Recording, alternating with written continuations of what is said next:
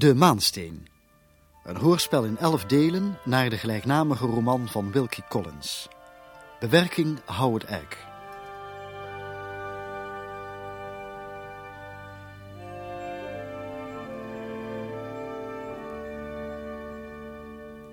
Eerste deel.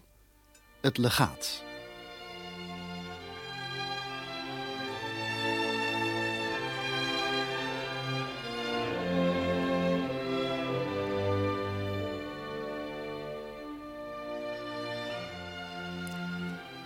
De manier waarop ik het verhaal moet vertellen van de Indische diamant...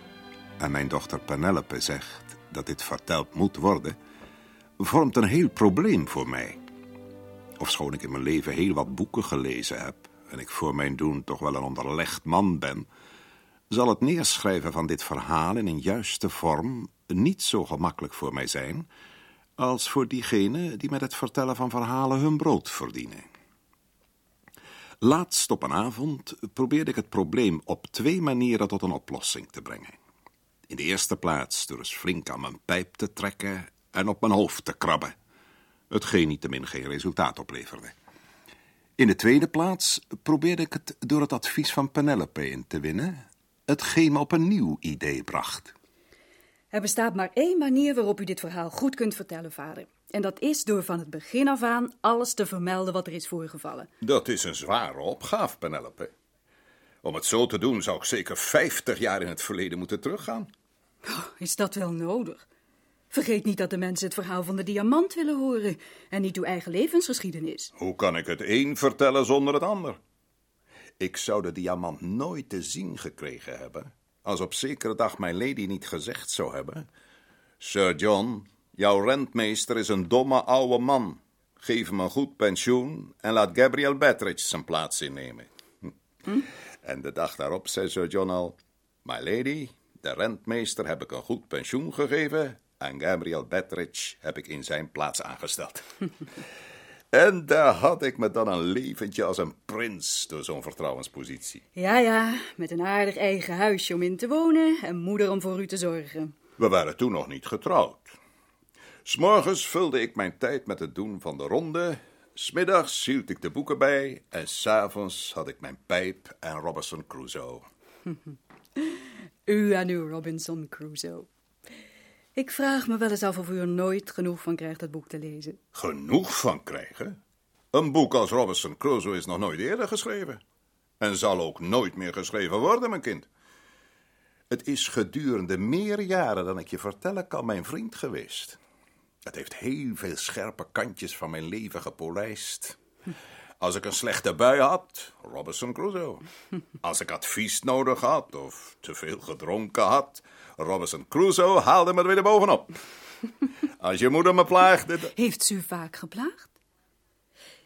Waren jullie samen niet gelukkig? Dat heeft u me nog nooit eerder verteld. Daar spreekt u nooit over. Ach, we waren niet ongelukkig en we hadden het niet slecht met elkaar. Het was van alles wat, als je begrijpt wat ik bedoel. Mm -hmm.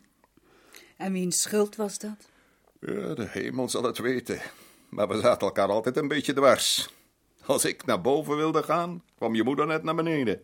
Als zij naar beneden wilde gaan, kwam ik net naar boven. ja, dat was het huwelijksleven volgens mijn ervaring. En mijn ervaring heeft maar kort geduurd. Na vijf jaar van verkeerd begrijpen op de trap, behaagde het de voorzienigheid ons van elkaar te verlossen door Selina van mij weg te nemen. Ik zou willen dat ik mijn moeder nog kon herinneren. Lieve hemel, dat is toch onmogelijk? Je was pas drie jaar toen ze stierf. Mm -hmm. En mijn lady, God zegen haar daarvoor, heeft goed voor je gezorgd. Ze stuurde je naar school. Ze maakte een handig meisje van je. Ja. Toen je oud genoeg was, bevorderde ze je tot kamermeisje van Miss Rachel. Je hebt alles aan mijn lady te danken, Penelope. Mm -hmm. Dat weet ik, vader. Ik ook, trouwens. Hoe ver zou ik zonder haar gekomen zijn? Het geluk heeft ons beiden toegelachen. Tenminste, tot de diamant kwam. Ja. Sinds die tijd zijn we nooit meer zo gelukkig geweest. Hm, hoe kon het ook? Wat je je allemaal niet herinnert. Als je aan een bepaalde datum denkt. Aan welke datum denkt u nu, vader? Ik denk aan de 24ste mei. Het is me nog net zo duidelijk als de dag van gisteren. Het was een woensdagmorgen, een van de mooiste dagen die we dat jaar hadden. Er stonden bloemen in de zitkamer van my lady. En alles zag er keurig en helder uit als altijd. Ze had me speciaal te roepen. Het ging om nieuws over... Over Mr. Blake. Dat herinner ik me. Zo, herinner je dat nog? Toen ik naar binnen ging, zag ik mijn lady in de zonneschijn aan tafel zitten met een brief in haar hand. Miss Rachel, ik zie haar nog in haar gele mousseline jurk, waarin ze er als een plaatje uitzag, stond naast haar. Ik heb nieuws voor je, Gabriel. Nieuws dat je zal verbazen. Werkelijk, milady? Mr. Franklin Blake is van zijn buitenlandse reizen teruggekeerd. Hij is een poosje bij zijn vader in Londen geweest en hij schrijft me dat hij donderdag naar ons toe komt. U zei donderdag, milady, dat is morgen al. Ja, en hij blijft hier tot volgende maand. Hij zal hier zijn met Rachel's verjaardag. Is dat niet geweldig? Als ik een hoed in mijn hand had, milady, zou alleen het respect dat ik u toedraag mij ervan weerhouden hem tegen het plafond te gooien. Ik wist hoe prettig je dat zou vinden. Je was altijd erg op hem gesteld, Gabriel. Inderdaad, milady. Ik herinner me Mr. Franklin als de aardigste jongen die ik ooit een ruit heb zien ingooien. Oh ja? Mijn herinneringen aan Franklin Blake zijn niet zo prettig. Onzin, Rachel. Wat heb je toch tegen hem? Ik heb drie poppen gehad, mama, die hij aan stukken getrokken heeft. En ik herinner me een zweep en een paardentuig, waarmee hij mij door de tuin joeg tot ik er van vermoeidheid bij neerviel. Afschuwelijke jongen. Ik, ik brand nog van verontwaardiging als ik aan hem terugdenk. Oh, jullie waren anders goede vrienden, wat je ook mag zeggen.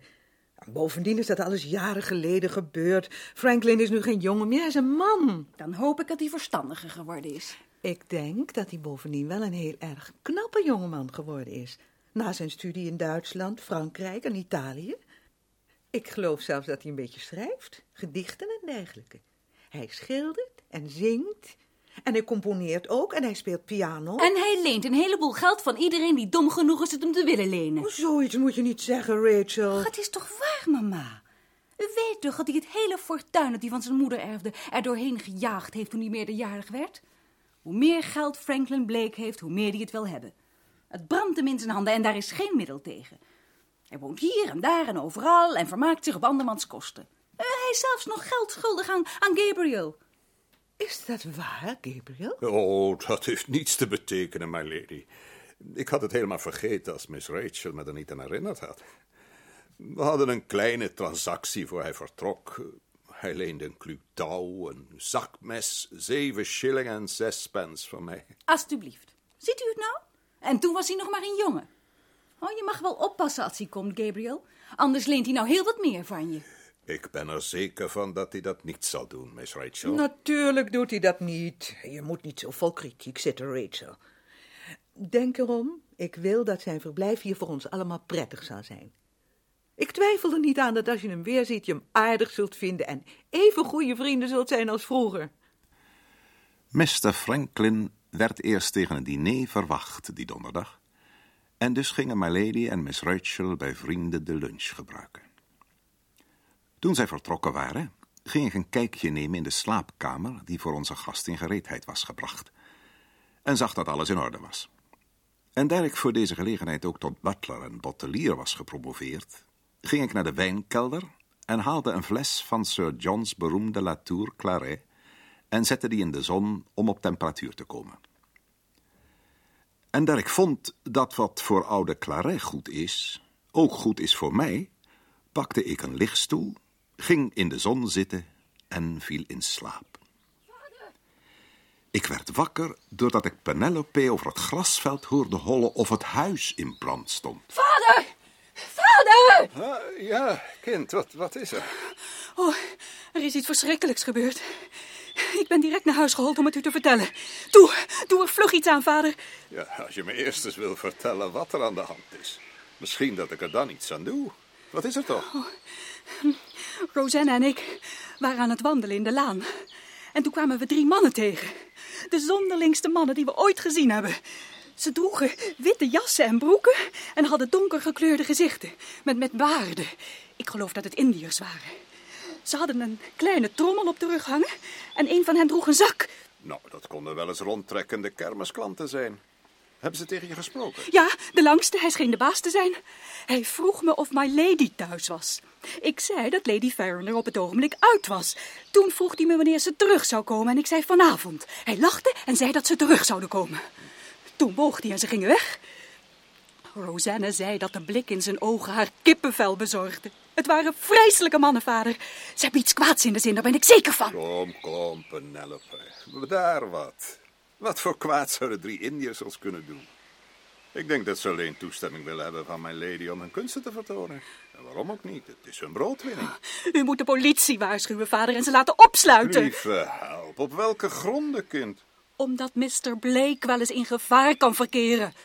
Mr. Franklin? Wat weten die mannen van Mr. Franklin af? Ze weten iets. Waarom zeg je dat? Omdat Rosanna en ik hoorden dat ze zijn naam noemde. Toen ze weg waren, hebben we even gewacht en zijn ze toen gevolgd langs de heg. Bij de bocht van de laan bleven ze stilstaan en begonnen opgewonden te praten. Ze spraken in hun eigen taal, dus we konden ze niet verstaan, maar plotseling wees de lange op het huis en we hoorden hem duidelijk Mr. Franklin Blake zeggen. Ze weten dat hij vandaag hier komt, vader, ze weten het vast. Kan best dat ze dat van de bediende gehoord hebben, dat Mr. Franklin komt. Ik zie daar niks verontrustends in, Penelope. Maar waarom zouden ze zich dan interesseren voor Mr. Franklin? Dat zullen we moeten vragen, kind. Als je tenminste zo lang kunt wachten. Als u die mannen gezien had, zou u zo niet praten, vader. Ze voeren iets kwaads in hun schild. In dat geval zal ik een oogje houden op het tafelzilver. U moet Mr. Franklin waarschuwen. Als u het niet doet, dan doe ik het. Goed, ik zal het hem vertellen om jou gerust te stellen. Maar het moet je niet verbazen als hij alleen maar zal lachen. Zeg, en vertel me nou eens, waar is Rosanna? Ze moet me in huis helpen. Oh, ze is nog aan het wandelen. Zal ik er voor u gaan zoeken? Nee, nee, nee, laat maar. Ga jij maar voor de lunch zorgen, dan zoek ik haar wel op. Ik geloof dat ik wel weet waar ik haar kan vinden. We eten vandaag lamsvlees en heerlijke pudding. Zorg dus dat u niet te laat bent. Ons huis is gelegen op een hoog gedeelte van de Yorkshire kust en vlak bij de zee. Er zijn prachtige wandelingen in alle richtingen te maken. Uitgezonderd één. Eén pad gaat namelijk tussen de klippen door naar een lelijke baai in dit gedeelte. Het pad is aan beide kanten begroeid met droefgeestige dennenbomen. Twee rotspunten steken uit in het water en daartussen ligt het afgrijselijkste stuk drijfzand van het hele land. Bij het keren van het getij trilt het zand zo eigenaardig dat de mensen uit de omgeving het het trillende zand genoemd hebben. Om de een of andere reden die zij zelf wel het best zal kennen, was dit altijd de lievelingswandeling van Rosanna Spearman, en daar vond ik haar ook, zoals ik had gedacht, met haar strohoedje op en haar grijze mantel aan, die zij altijd droeg om haar misvormde schouder te verbergen. Ze zat op de zandheuvel te kijken naar het drijfzand en de zee. Mr. Betteridge. Penelope vertelde me dat je een wandeling was gaan maken. Ik dacht wel dat ik je hier zou vinden. Hoewel het me nog altijd onbegrijpelijk is hoe een jonge vrouw die in alle richtingen mooie wandelingen kan maken en gezelschap bij de vleet kan vinden, juist naar deze ellendige plek moet gaan. Wat vind je toch aan om hier te zijn? Er is iets dat me hierheen trekt. Ik, ik neem me steeds voor hier niet naartoe te gaan, maar ik kan het niet laten. Soms. Soms denk ik dat mijn graf hier op me wacht, Mr. Betteridge. Wat is dat nou voor onzin? Je moest je schamen om zo te praten, Rosanna. Een jonge vrouw van 25 en dan zulke sombere gedachten. Ik droom iedere nacht van deze plek. Ik, ik denk eraan als ik mijn naaiwerk doe. Het is alsof het mij in zijn betovering heeft. Je bent te veel op jezelf, Rosanna. Dat is de oorzaak.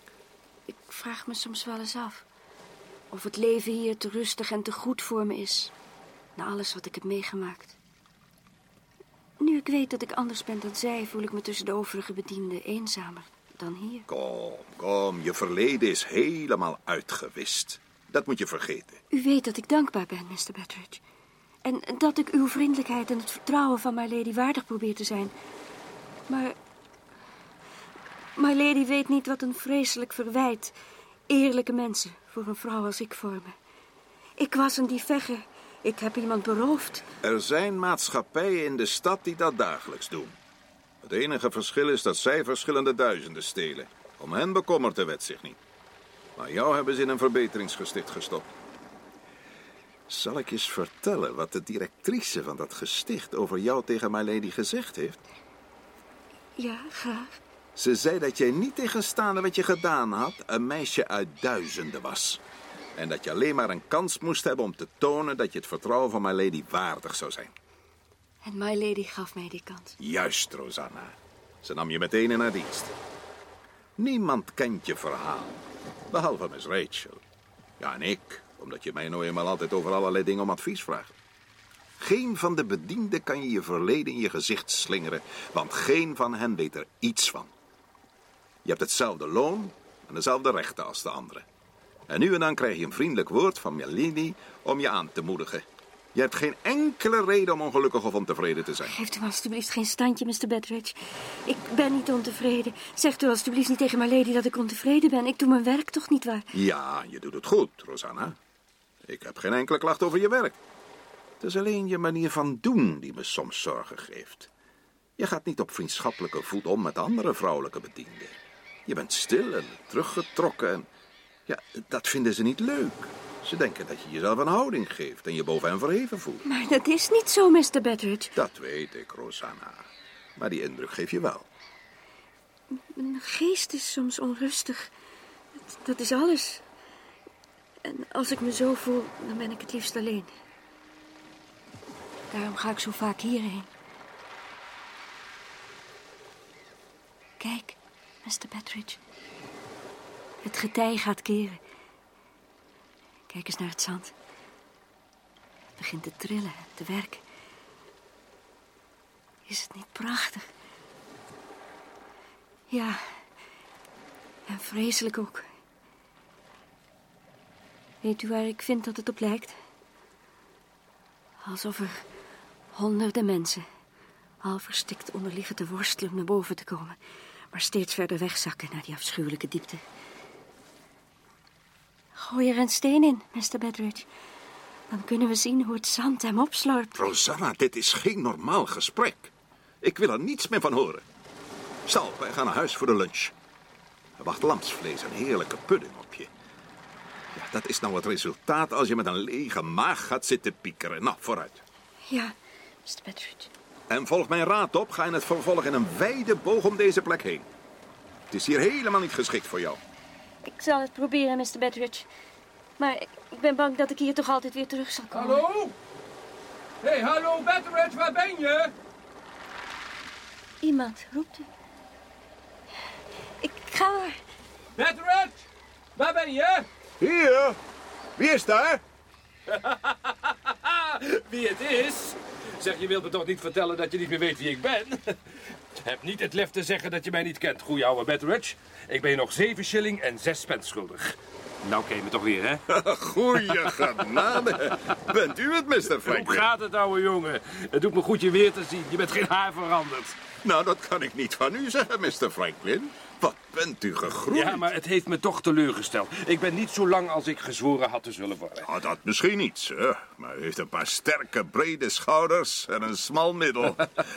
ik zou u haast niet herkend hebben, Mr. Franklin. Welkom hier. Dank je wel, dank je wel. Ach, het doet me goed weer eens hier te zijn. Zeg, wie is dat meisje waar je mee sprak? Eh, dat is Rosanna Sperman, sir, ons tweede dienstmeisje. Heb ik haar aan het schrikken gemaakt? Ze keek of ze nog nooit een man gezien had. U bracht haar geloof ik wat in de war, Mr. Franklin. Ze ging weg zonder te groeten, zo doet ze anders niet. Ik denk dat het dat buitenlandse vernisje van u was, dat haar naar adem deed snakken. We hadden u niet voor vanavond verwacht. Dat weet ik, Betteridge. Je had je dochters gezicht eens moeten zien toen ze de deur voor me opende. Uh, apropos, ik maak je wel mijn compliment, hoor. Waarmee, sir? Met je dochter. Ze beloofde altijd al een knap meisje te worden. Dat is ze geworden ook. Ik heb er een kus gegeven. Ik hoop dat je het niet erg vindt. In het geheel niet, als het u plezier deed. Nou en of, ze heeft aanbiddelijk kleine oortjes. Had jouw vrouw die ook? Eh, nee, sir. De oren van mijn overleden vrouw waren niet haar sterke punt. Behalve dan eh, als het erom ging om praatjes op te vangen. Om u de waarheid te zeggen, nu erover begint, ik zou werkelijk niet weten wat haar sterke punt was. Uitgezonderd dan dat ze haar eten goed koude en haar voeten stevig op de grond zette als ze liep. Je bent nog scherper van tong dan vroeger, Betteridge. Bedankt voor het compliment, sir. Maar Lady zal wel teleurgesteld zijn dat ze niet hier was om u te begroeten. Maar ja, eh, u werd niet voor vanavond verwacht. Ik, eh, ik, ik had mijn reden ervoor om eerder te komen en ik zou je die graag vertellen. In Londen heb ik de laatste drie, vier dagen geen prettige tijd gehad. Ik werd overal gevolgd en bespied, waar ik ook heen ging. Bespied, sir? Door wie? Ja, door een man, een vrij ongunstig type. Het is me pas vanmorgen gelukt hem te ontglippen. Daarom nam ik de ochtend in plaats van de middagtrein. Ik wilde het risico niet lopen dat hij me weer zou vinden. Het is een opluchting dat ik hem weten te ontkomen, dat kan ik je wel vertellen. Het is een allesbehalve prettige ervaring om waar je ook gaat door iemand op je hielen gezeten te worden. Nee, dat zou mij ook niet bevallen, sir. En vooral niet daar ik een fortuin bij me draag, Patrick. Een fortuin? Heeft u dan geërfd, Mr. Franklin? Ah, ik bedoel geen geld. Ik bedoel... dit hier. Maak het doosje maar open. Kijk er zelf naar. Grote hemel nog aan toe. Zo'n diamant heb ik nog nooit gezien, sir. Een tweede zoals deze kan er op de hele wereld niet zijn. Die is er ook niet. Het is de beroemde Indiaanse diamant, de maansteen. Hij behoorde toe aan mijn oom John Herncastle. En hoe komt hij in uw bezit? Mijn oom is kort geleden gestorven. Dat is me bekend, sir. Bij zijn laatste wilsbeschikking liet hij de diamant aan Miss Rachel na. Als een geschenk op haar eerste verjaardag na zijn dood. Mijn vader was executeur testamentair en die heeft mij de diamant gegeven om hem hier te brengen en te overhandigen aan mijn nicht op haar verjaardag volgende maand. U verbaast me, Mr. Franklin. Werkelijk, Betteridge. Waarom dan wel? Uw vader executeur testamentair van kolonel John Herncastle? Ik had er alles om willen verwedden dat uw vader nog de kolonel, nog de diamant met een tang had willen aanpakken. Waarom? Nou, mijn oom was heus niet zo slecht als je denkt. Wie zijn neus schendt, schendt zijn aangezicht, Mr. Franklin. De familie Herncastle is voor mij het nest geweest vanaf de tijd dat ik 15 was. Eerst was ik in dienst bij Sir Arthur, tevens page bij zijn drie beminnelijke dochters. Dat was voordat my lady trouwde met Sir John en mij in haar dienst nam. Het zou niet erg loyaal zijn, sir, als ik iets ten ongunste van de familie Herncastle zou zeggen. Ik zou niet willen dat jij iets ten ongunste van wie dan ook zei, Betteridge. Ik zou alleen je mening willen horen, je persoonlijke mening over mijn oom onder vier ogen. Jij kende hem, ik niet. Hè? Als het onder ons blijft, Mr. Franklin, en het niet verder verteld wordt. Dat beloof ik je. Nou, dan zou ik willen zeggen dat de Honorable John Herncastle volgens mij de grootste schurk was die er ooit geleefd heeft. Dat is niet mals uitgedrukt, Betteridge. Er bestaat geen andere naam voor hem, sir. Hij was een mengelmoes van een, een bloedhond en een kemphaan, overgoten met een scheutje barbaarsheid. Ja, maar je moet toch wel toegeven dat hij moed bezat. Hij was soldaat. Hij kwam bij de garde toen hij nog een jonge man was, nietwaar? Alleen omdat zijn vader hem ertoe dwong en niemand hem de baas kon. Zelfs het leger niet. Want hij moest het garderegiment verlaten voor hij 22 was. Waarom? Hij heeft altijd een wraakgierige natuur gehad. Hij koesterde een wrok tegen een van de officieren van het regiment... en vermoordde hem bijna met een mes tijdens een vechtpartij in een of andere herberg. En daarom moest hij het land uit en naar Brits-Indië toe. Hij ging mee met het leger van generaal Baird, is het niet? Inderdaad, sir. Hij was bij de bestorming van Seringapatam. En als u het mij vraagt, was het doodjammer dat John Herncastle het er levend afbracht. Maar ja, ze zeggen dat de duivel goed op zijn kinderen past. Tot twee keer toe heeft men gedreigd hem te zullen vermoorden. Het deed hem niets.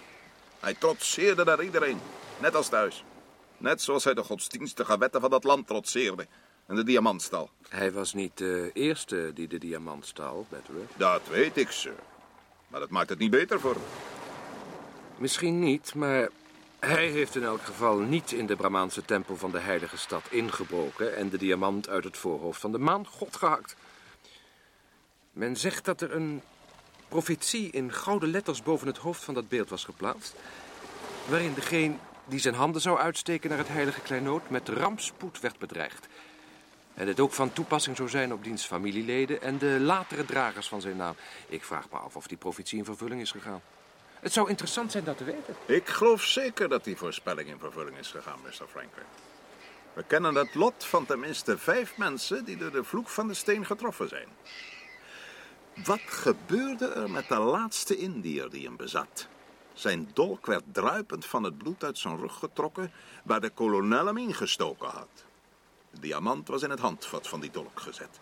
Hij was gestolen uit de schatkamer van de sultan. Wat gebeurde er met de sultan? Na de bestorming van Sarangapatan werd hij dood onder een hoop lichamen uitgehaald. En op de een of andere wijze is het ook zo met de anderen afgelopen. Ja. Ja, je zou natuurlijk kunnen zeggen dat de profetie zich op deze wijze zelf in vervulling liet gaan. Maar ik vind het toch wel tamelijk fantastisch, Betteridge. En mijn oom.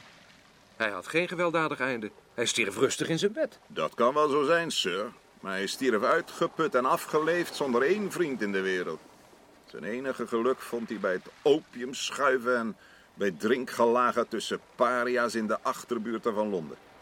Hij was het slachtoffer van een verdorven nachtleven.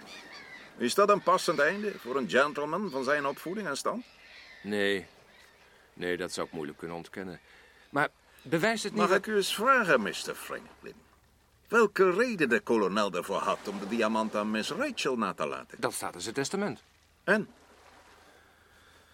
Om je de waarheid te zeggen, is die reden voor mij ook onbegrijpelijk. Om zijn eigen woorden te citeren. Hij liet de diamant aan mijn nicht na als bewijs dat hij zijn zuster Julia vergiffenis geschonken had voor al de beledigingen die zij tegen hem had geuit en al het onrecht dat ze hem had aangedaan. Ja, dat was dus mijn lady. Ja, ja. Hij beschrijft in zijn testament hoe een bediende op haar bevel hem de toegang tot haar huis verbood op een avond van Rachels verjaardag. Maar niemand schijnt er iets van af te weten. Ik weet er wel vanaf, sir. Jij, Gabriel? Ja. Ziet u, toen de kolonel uit Indië was teruggekeerd, deed hij schriftelijk een poging om zich met zijn zuster te verzoenen. Ik ben er vast van overtuigd dat hij die brief alleen maar schreef om haar onaangenaam te zijn. Op de avond van de verjaardag van Miss Rachel hadden wij een feestje ter ere van die gebeurtenis. Ik was op dat ogenblik in de bediendenkamer om op de voorbereidingen te letten, toen er een bediende binnenkwam om iets te zeggen. Neemt u mij niet kwalijk, Mr. Betteridge. Wat is er, Charles? Er is een heer beneden in de hall die u wil spreken. Wie is het? Hij wilde zijn naam niet noemen. Hij zei dat u hem wel zou herkennen als u hem zag. Is die hier wel eens eerder geweest? Niet dat ik weet. Hij is oud en ziet er nogal kaal uit. Ik heb hem gezegd dat we druk hadden met de voorbereidingen voor het feestje vanavond, maar toen zei hij dat hij er alles van af wist. Ik geloof dat u maar beter zelf naar hem toe kan gaan. Goed, Charles, ik zal wel even gaan.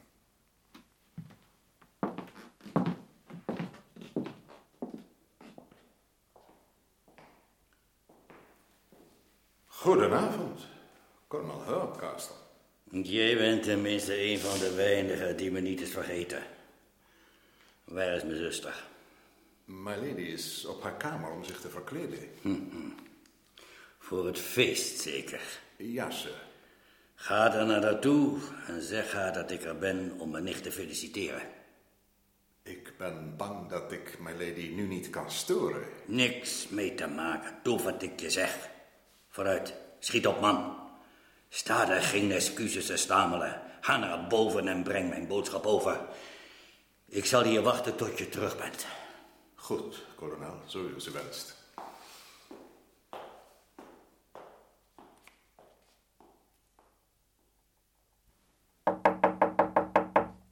Wie is daar? Ik ben het, my lady. Oh, kom maar binnen, Gabriel. Wat is er? Ik vrees dat er iets is dat u pijnlijk zal treffen, my lady. Uw broer wacht beneden in de hal. Mijn broer? Hij stond erop dat ik een boodschap zou overbrengen. Het lag me op mijn tong om te weigeren. Wat maar- wil hij? Hij vroeg mij u te zeggen dat hij gekomen is om Miss Rachel te feliciteren. Zo.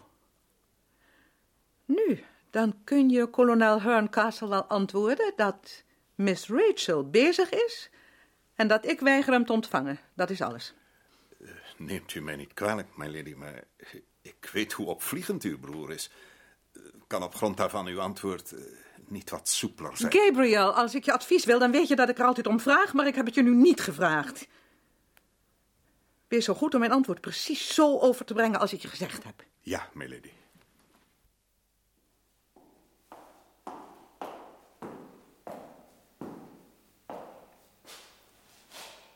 En heb jij mijn boodschap overgebracht? Ja, kolonel. En wat zei ze? Hm. Het spijt mijn lady en Miss Rachel zeer dat ze het erg druk hebben en dat ze u niet kunnen ontvangen. Hm. Hm. Ah, juist. Zeiden ze dat? Ja, sir. Hmm. Dank je wel, Betteridge. Dank je wel. Ik zal me de verjaardag van mijn nicht lang blijven herinneren. Goedenavond. Zo is het gegaan, Mr. Franklin. Ik was de bediende die op instructie van mijn lady de kolonel het huis wees. Maar het doet me plezier van u te horen dat hij mijn lady dit op zijn doodsbed schijnt te hebben vergeven. Ik ben er niet zo zeker van dat hij haar vergeven heeft, Betteridge, naar wat je verteld hebt. Maar het staat toch in zijn testament, sir. In zijn eigen woorden. Vergeving voor de belediging en het onrecht. Maar waarom liet hij in dat geval de diamant dan niet aan mijn tante na? Dat is wel begrijpelijk, sir. Kolonel Hurcastle wist dat mijn lady een legaat van hem geweigerd zou hebben. Hoe kon hij weten dat mijn nicht Rachel de diamant niet zal weigeren? Kom, Mr. Franklin. Er staat er een jonge vrouw die de verleiding zou kunnen weerstaan om een verjaardagsgeschenk als de maansteen te weigeren? Ja.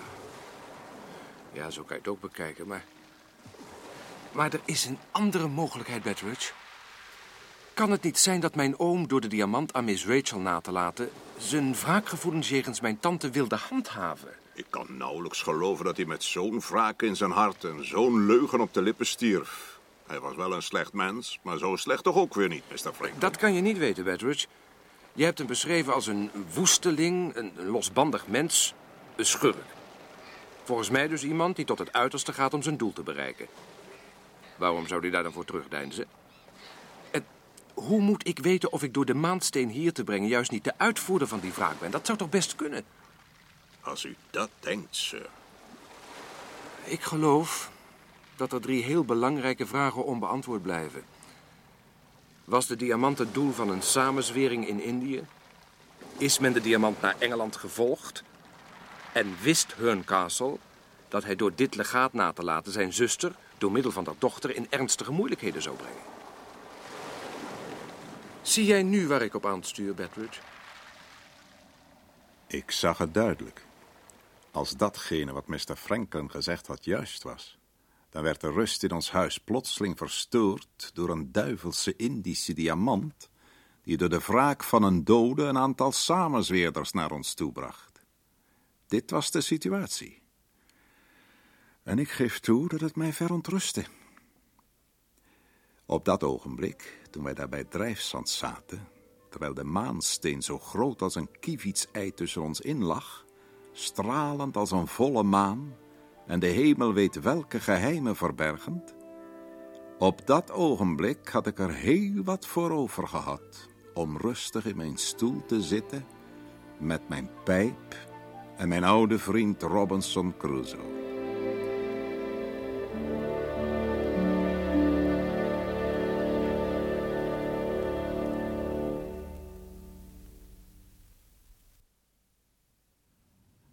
Het legaat was het eerste deel van De Maansteen, een hoorspelserie in elf delen naar het gelijknamige boek van Wilkie Collins. Bewerking Howard Egg.